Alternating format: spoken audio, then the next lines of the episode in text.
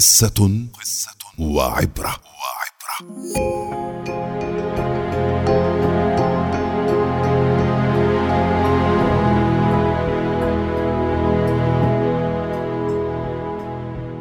يحكى أنه في قرية نائية عاش فلاح طيب القلب مع زوجته.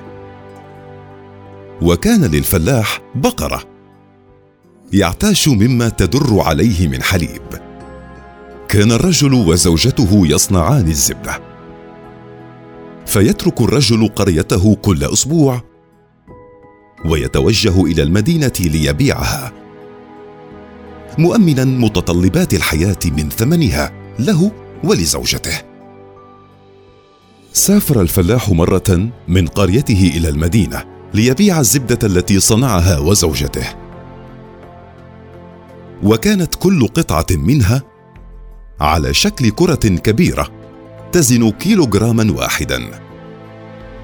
وككل مرة باع الفلاح الزبدة للبقال واشترى منه ما يحتاجه من سكر وزيت وشاي ثم عاد إلى قريته.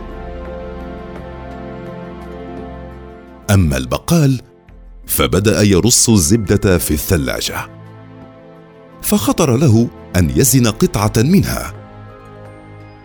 وإذا به يكتشف أنها تزن تسعمائة جرام فقط. وزن الثانية فوجدها مماثلة. وكذا وجد كل الزبدة التي أحضرها الفلاح. وفي الأسبوع التالي حضر الفلاح كالمعتاد ليبيع الزبدة. فاستقبله البقال بصوت عال. قائلا. أنا لن أتعامل معك مرة أخرى لأنك رجل غشاش. فكل قطع الزبدة التي بعتني إياها تزن تسعمائة جرام فقط. وقد حاسبتني على أن كل واحدة منها تزن كيلو جراما كاملا. لو كان الفارق في قطعة أو قطعتين لقلت أنه خطأ. هز الفلاح رأسه باسى وقال لا تسئ الظن بي يا رجل. فنحن أناس فقراء ولا نمتلك وزنة الكيلوغرام.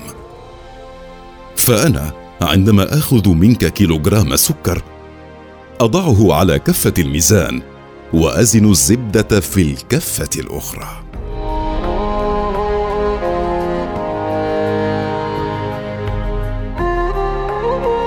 العبرة. يظن السوء من يفعل سوء. أما البريء فطيب القلب.